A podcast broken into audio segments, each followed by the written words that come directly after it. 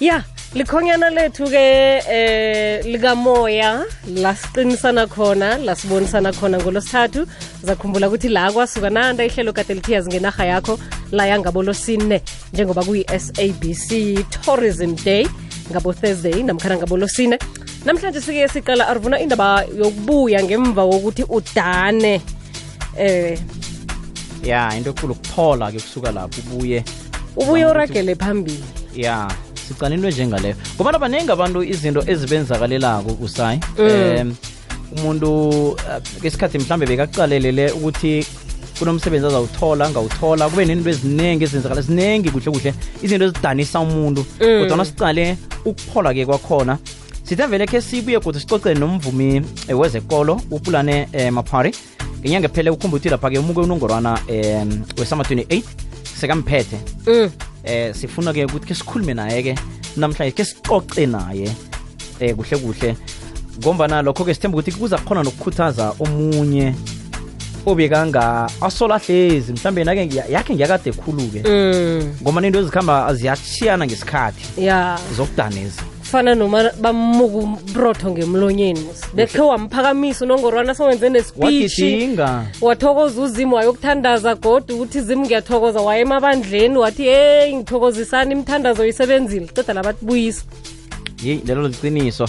Khona-ke nokho-ke emtatweni njenganje upulane maphari. Lotshani? Unjani butwani? Siyaphila, unjani? Iye ungasichinga phandle ngathi. Ngiyaphila, ngijabulile ukuba nani namhlanje. Siyathokoza nathi upholile Ah, ngikwelile mntasekhaya. uphola masinya yo Sorry ngithi uphola masinya Ah, yazi kunjani? Mm. Kumele wamukele empilweni. Mm. Kumele wamukele. Ezinye izinto especially if something ingasiye in your control. Kumele wamukele ubone ukuthi uqhubeka phambili kanjani. okay iyazwakala-ke yazi sivele sifuna ukuthi ke silandele nendaba leya yama- yama-summers wayithatha njani indaba le ye- yokuthi kufanele ubuyise i-award kwenze kwenzekalani Okay, uh okwamanje angeke ngikhona ukukhuluma kakhulu ngale ndaba ngoba isaqhubeka. Kodwa bangilise istatement sokuthi eh kahle kahle uma bechecka i-entry yami bekungamelanga ukuthi eh ngiqhubeke phambili.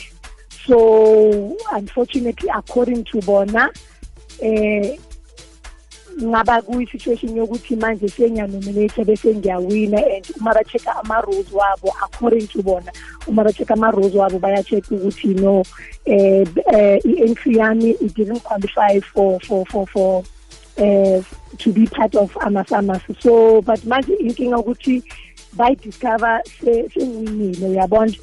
So manje sengile situation yokuthi manje i-award sebayithethe baze bayinikeze omunye umuntu hmm. vele sebamnikelile vele. Ya ba- ba- ba- bayenze i-statement ku- ku- ku- kuma-socials hmm. eh nge- ngesikhathi eso-ke nakwenzeka lokhu wa- waphathe kanjani? Ibuhlungu ibuhlungu bhuti wami because especially mina ngumuntu wokuthi i'm new in the industry. And bekuyi-award yami yokuqala. Yabo my first achievement ku-industry and it meant so much. Mina nanokuthi umsebenzi wami uyabonakala bakhona abantu abawuncomayo umsebenzi wami. So ukuthi ngifike kule situation and be- be- benga- bengalindelanga ukuthi i-situation izenzeka. Mm. bengakhoni ukuthi anything like this can happen to mina a- a- a- at this time. Bengijabulile ngisacelebrata ngisabonga unkulunkulu ukuthi eyi baba ngiyabonga. U- umuso ongaka uthando olungaka. And then all of a sudden Mm. ngasha- bangishaye ngeshock nje yabo? Akhe sitshele omunye umuntu ukuthi kuyapholeka. Vele ngoba nakuye uyatsho ukuthi uzwe ubuhlungu. Uphola njani na umuntu ngemva kwe-disappointment? If uwumuntu okholwayo siyakhuluma uma sisemasontweni esabazalwane khona iz- izinto esithanda ukuzikhuluma now and then because they are the right things to, to say. But the question is uyayiphila leyo mpilo na?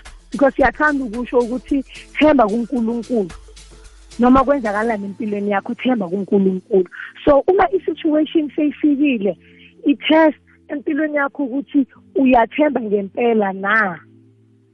Uyathemba ngempela na ukuthi inhliziyo yakho iyathemba ukuthi unkulunkulu ukhona? So i had to realize ukuthi unkulunkulu he knew my life.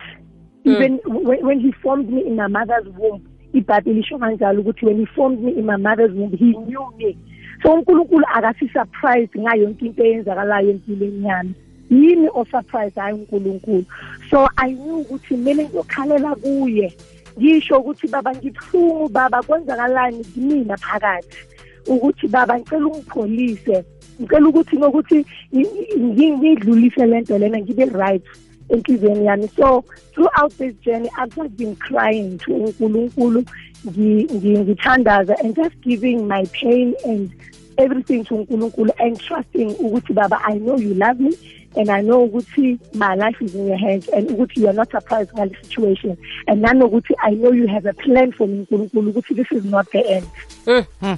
iyazwakala. Yazihlangana nama-disappointments abakhona. Kuba nenkulumo ezibakhona ebantwini ngaba via social media ngaba khona nje emphakathini eh into ezinjalo inkulumo-ke mhlambe zikhona ezifikileko zifike njani kuwe udlule njani kizo ngoba nabanye vele inkulumo zabantu zibalimaza khulu kokugcina lokhu umuntu nakasebudisini obunjengalobo Mm, ayi ngiyayithanda le question.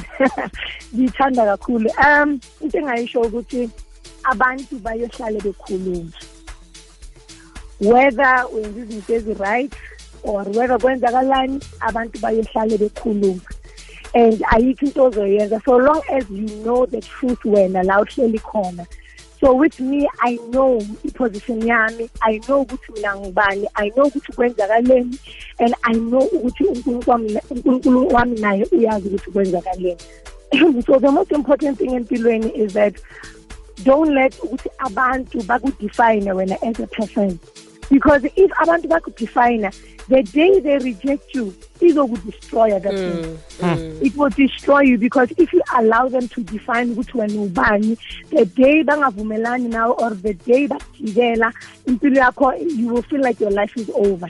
And angeke ukhona ukuphila kanjalo because most people umuntu uzokhuluma ngomuntu angamazi most of our comments or whoever are talking, it's people who don't even know me personally empilweni yami. Hmm. It's people who don't know ukuthi behind closed doors mina ngiphila kanjani, umuntu onjani, ngiphatha abantu kanjani, mina ngiphila kanjani, ngiphilisana kanjani nabantu.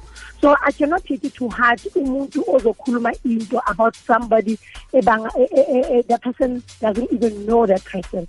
So I just took it ukuthi you know what unfortunately social media social media ama-comments azoba khona but people these people don't know me personally ukuthi mina ngubani. Wena uyazazi nozimakho uyakwazi. Zange uthi fire. Yes alright okay noma nisithokozile dadewethu. Sithembe ukuthi nomunye umuntu uzwile ukuthi kuyiwaphi lesikhathi kubuhlungu um njengoba wena uyatsho ukuthi ukuhambe wayo kulilela kuzimu sikufisela okuhle ukutshinga phambili empilweni nakucareer yakho ya bengisathanda ukusho ukuthi le ndaba isaqhubeka kodwa noma isaqhubeka um ngisabambelele unkulunkulu and i trust unkulunkulu empilweni yami. And one thing is that unkulunkulu uyaphila guys. The lord is alive for real. And if you know the lord and if you've had an encounter with god you will realize ukuthi unkulunkulu uyaphila. So um ngiyabonga kakhulu for this opportunity and inkosi ngibusise r and b team kanjani siyathokoza samukela nembusiso